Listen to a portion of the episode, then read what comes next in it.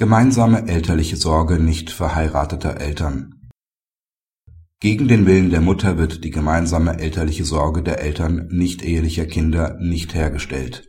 Die gemeinsame Sorge ist nach § 1666 BGB denkbar, wenn die allein sorgeberechtigte Mutter das Elternrecht des Vaters nicht angemessen beachtet. Maßgebend ist die dadurch entstehende Kindeswohlgefährdung die Mutter übt das alleinige Sorgerecht für die 1994 geborene Tochter aus. Die Eltern waren und sind nicht miteinander verheiratet. Die Tochter äußert 2008, dass sie beim Vater bleiben will. Sie kehrt anschließend nach einem Umgang beim Vater nicht mehr zur Mutter zurück. Der Vater beantragt den Erlass einer einstweiligen Anordnung zur vorläufigen Übertragung des Sorgerechts auf ihn die Eltern einigen sich in der mündlichen Verhandlung im August 2008 darüber, dass das Kind beim Vater bis zur nächsten mündlichen Verhandlung verbleibt. Das Amtsgericht begründet in der folgenden Entscheidung die gemeinsame elterliche Sorge. Die Mutter hat unverschuldet versagt. Sie ist aus für das Gericht nachvollziehbaren Gründen nicht in der Lage, die für das Kind zur Gefahrenabwehr notwendigen Maßnahmen zu treffen. Ein Verfahrenspfleger wird durch das Amtsgericht nicht eingesetzt ein familienpsychologisches Sachverständigengutachten wird nicht eingeholt.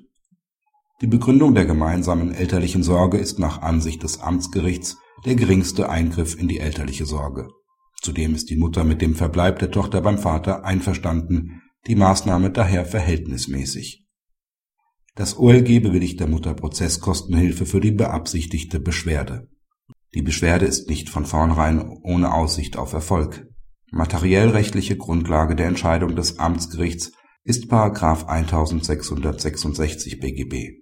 Eine Übertragung nach § 1626a BGB kommt ohne Zustimmung der Mutter nicht in Frage. Die Begründung der gemeinsamen Sorge ist nach § 1666 BGB grundsätzlich möglich.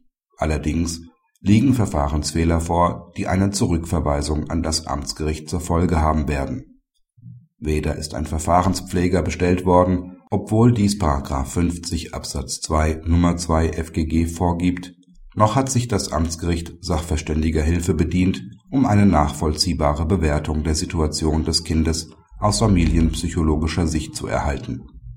Die Einholung eines Gutachtens ist erforderlich. Zudem ist denkbar, dass der nicht-eheliche Vater gemäß § 1630 Absatz 2 BGB als Pfleger für das Kind bestellt wird und die Angelegenheiten der elterlichen Sorge übertragen erhält. Ausblick Der EGMR hat jüngst entschieden, dass der allgemeine Ausschluss einer gerichtlichen Überprüfung der alleinigen Sorge der Mutter zum Schutz des Kindeswohls bei nicht-ehelichen Kindern unverhältnismäßig sein kann. Er sieht Artikel 14 in Verbindung mit Artikel 8 EMRK verletzt.